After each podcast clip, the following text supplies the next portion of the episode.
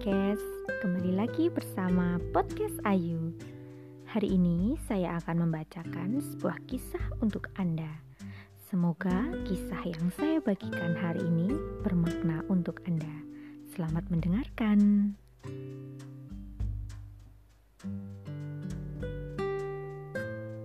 Kani si anak ikan.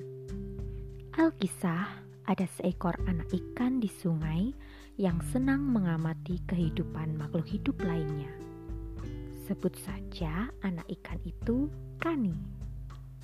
Kani melihat kata yang berenang di air, lalu kemudian melompat di darat dan pergi.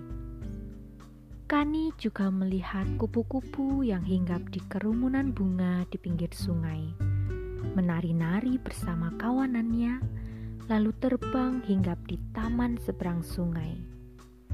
Kani juga melihat dua ekor tupai yang saling berkejaran di atas pohon. Kani membayangkan seandainya saja ia bisa seperti mereka, bermain-main di darat, pasti rasanya sangat menyenangkan. Kani lalu mencoba mengutarakan isi hatinya kepada ibunya.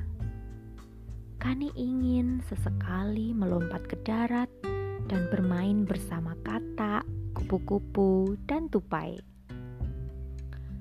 Namun ibu Kani tidak setuju dengan keinginan Kani.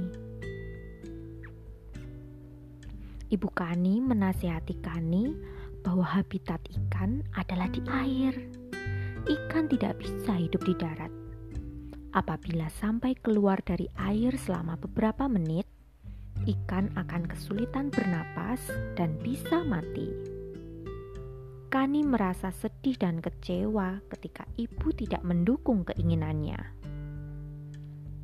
Suatu hari, ketika ibu Kani sedang pergi, Kani mencoba melompat dari air dan menuju ke darat. Ketika Kani berhasil mendarat di tanah, Kani menggelepar-gelepar. Kani merasakan kesulitan bernapas. Rupanya, yang diangankan selama ini tidak sesuai dengan kenyataan. Di darat, Kani tak bisa bernapas dengan leluasa. Ternyata, insang yang ia miliki tak cocok untuk bernapas di darat.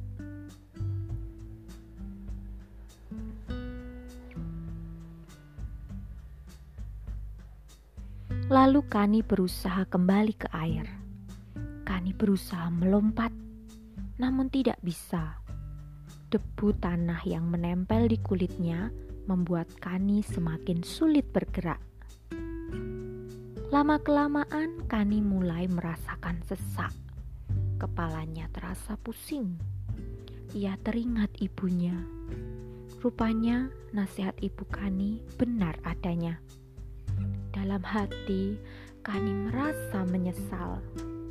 Seandainya ada kesempatan kedua untuk dia bisa kembali ke air, Kani berjanji untuk menuruti nasihat ibunya. Dada Kani semakin sesak. Kani merasa mungkin ini menit-menit terakhir hidupnya. Kani kemudian berusaha mengingat ibu dan teman-temannya. Kani ingat ibunya yang selalu mendukungnya. Ibu akan melakukan apa pun ketika Kani melakukan hal-hal positif. Ibu juga selalu berusaha menyediakan yang Kani perlukan dan tidak pernah mengeluh. Air mata menetes dari mata Kani.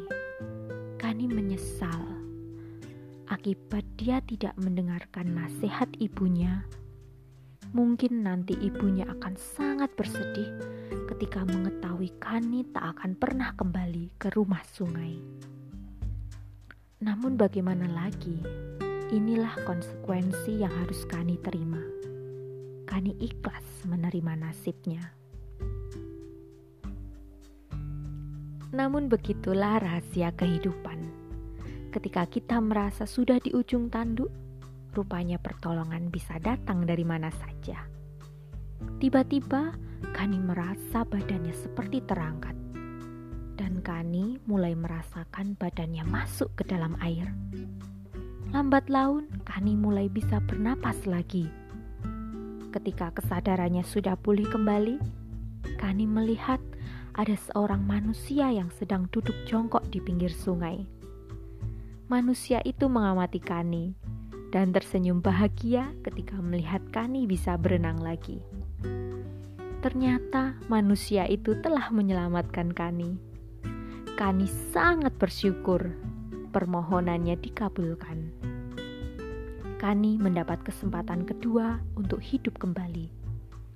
Kani memandang manusia itu. Seandainya Kani dapat berbicara bahasa manusia, ia akan mengucapkan terima kasih sebanyak-banyaknya. Seusai memandang manusia itu, Kani segera berenang pergi mencari ibunya.